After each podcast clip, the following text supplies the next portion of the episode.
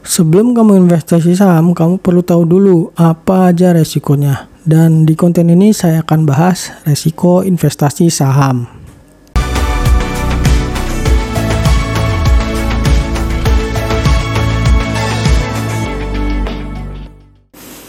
Halo, ada di sini. Ketemu lagi sama saya.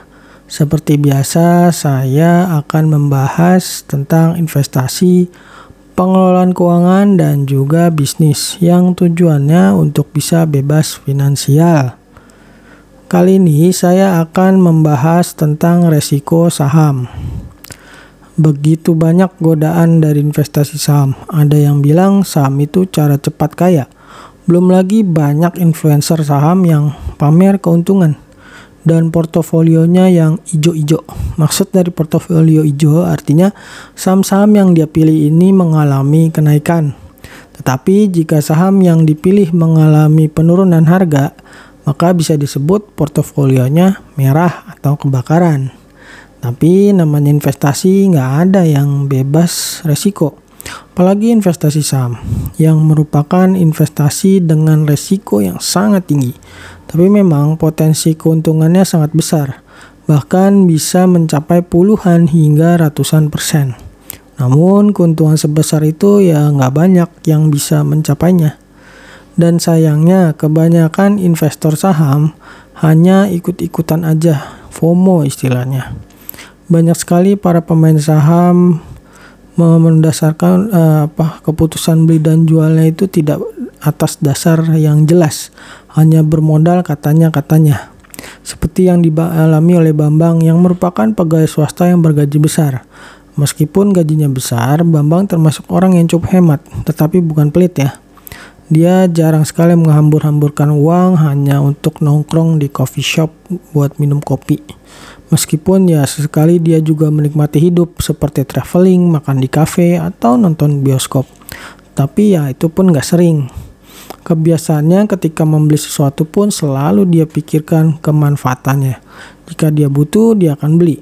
Jarang sekali dia membeli sesuatu hanya karena tren. Karena itu tabungannya juga jumlahnya cukup besar sehingga dapat dikatakan dia mendekati gaya hidup frugal. Uang tabungannya pun semakin banyak dan Bambang mulai berpikir tentang masa depannya. Dia pun mulai tertarik dengan dunia investasi. Dia langsung tertarik investasi saham karena menawarkan potensi return yang cukup besar. Sayangnya mentalitas Bambang belum terlalu kuat. Dia tergoda sisi gelap saham seperti banyak sekali yang dialami oleh oleh para pemula. Hingga lama-kelamaan uang tabungannya pun menipis. Tetapi hasil yang didapatkan dari investasi saham hanyalah kerugian hingga membuatnya stres. Apa yang dialami Bambang sebenarnya banyak juga dialami oleh orang yang masuk ke dunia saham. Dunia saham itu bukanlah dunia yang menyenangkan, jika kamu tidak memiliki strategi dan mentalitas yang tepat. Investasi saham tidak hanya membutuhkan uang, tetapi kamu juga membutuhkan strategi dan mentalitas yang tepat. Karena jika tidak, kamu akan stres sendiri. Bahkan ada juga kisah tragis seseorang yang berakhir dengan bunuh diri karena kerugian saham. Belum lagi ketika kamu mengikuti seminar saham, Lalu disebutkan keuntungan dari investasi saham dan membuat seolah-olah investasi saham itu mudah dan cara cepat kaya. Padahal investasi saham ada resikonya juga seperti investasi lain pada umumnya. Dan inilah beberapa resiko yang umumnya terdapat pada investasi saham. Yang pertama adalah capital loss. Capital loss merupakan kondisi saat saham yang kamu beli mengalami penurunan harga sehingga kamu pun kehilangan sebagian nilai aset kamu.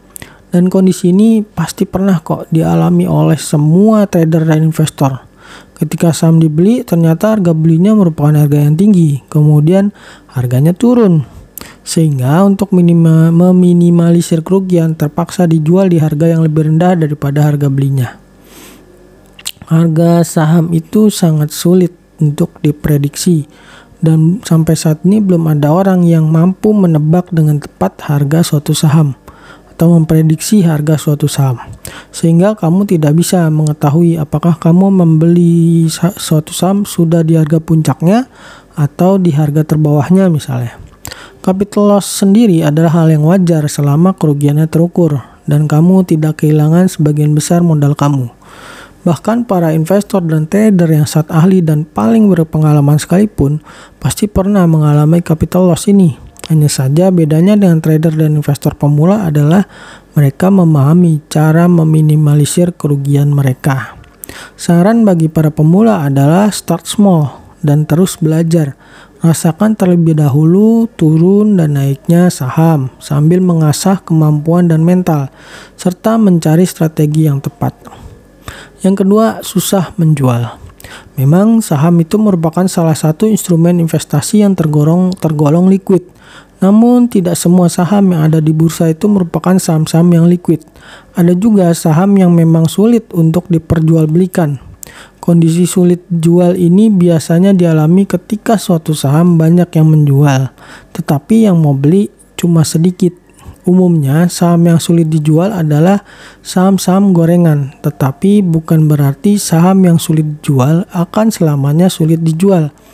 Ada juga saham yang sulit dijual di suatu saat tiba-tiba jadi rame dan menjadi liquid. Biasanya suatu saham mulai liquid dikarenakan fundamentalnya bagus atau digerakkan oleh bandar. Tapi jika saham digerakkan oleh bandar, setelah bandar mengeruk keuntungan, Saham tersebut biasanya akan jadi saham tidur kembali dan jika kamu punya saham tidur, kamu akan kesulitan untuk menjual. Karena itu, jika kamu memilih saham, pilihlah saham yang memang memiliki fundamental yang baik.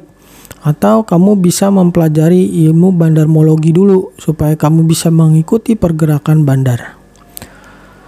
Yang ketiga, suspensi saham. Bagi perusahaan yang melantai di bursa efek, ada beberapa aturan yang memang harus dipenuhi. Misalnya seperti menyampaikan laporan keuangannya secara kuartalan dan sebagainya. Ketika suatu perusahaan atau emiten tidak memenuhi persyaratan dan aturan yang berlaku di bursa, pihak bursa akan melakukan penindakan berupa suspensi saham. Suspensi saham merupakan penghentian perdagangan suatu saham oleh pihak bursa. Biasanya suspensi saham ini disebabkan oleh aktivitas yang tidak wajar seperti naik terlalu tinggi atau turun terlalu rendah, gagal membayar utang, penyalahgunaan dana IPO atau red issue, serta kesalahan dalam pencatatan laporan keuangan. Lamanya suspensi saham itu bisa berlangsung dalam waktu harian hingga tahunan. Untuk menghindari suspensi saham ini adalah lagi-lagi dengan memilih saham dengan yang fundamentalnya bagus dan perhatikan ketika adanya public expose yang dilakukan oleh emiten. Yang keempat adalah delisting. Ini merupakan resiko paling berat yang dialami oleh suatu emiten saham. Delisting sendiri merupakan kondisi penghapusan saham dari bursa efek. Delisting itu dibagi menjadi dua, yaitu delisting sukarela dan delisting paksa. Delisting sukarela bisa dikatakan sebagai keuntungan karena biasanya emiten yang akan melakukan delisting sukarela melakukan buyback seluruh sahamnya. Dan jika itu terjadi, umumnya harga saham akan dibeli dengan harga yang lebih tinggi dari harga saat ini atau saat itu. Salah satu contoh delisting sukarela yang pernah dilakukan suatu emiten adalah Aqua. Bahkan ada orang yang kayak mendadak karena saat itu memegang cukup banyak saham Aqua. Sementara delisting paksa biasanya disebabkan oleh masalah yang cukup berat. Penyebab delisting paksa di antaranya pilot dicabutnya izin usaha atau mengabaikan teguran pihak bursa. Namun prosesnya biasanya nggak langsung. Pihak bursa akan memberikan teguran terlebih dahulu. Tapi, jika memang suatu emiten mengalami delisting paksa, maka resiko terburuk bagi para pemegang investor dari saham yang di delisting paksa itu adalah uangnya ya hilang tanpa bekas. Investasi saham merupakan investasi dengan resiko yang sangat besar meskipun memiliki potensi keuntungan yang juga sangat besar. Sehingga kamu nggak bisa gitu aja masuk ke dalam dunia saham. kamu perlu mempelajari mengenai saham dan ketika baru masuk jangan langsung all out. Mulailah dengan modal kecil terlebih dahulu. Biasakan diri dulu dengan naik turunnya harga saham. Oke, sampai di sini pembahasan tentang resiko saham. Sampai jumpa di konten berikutnya. Dah.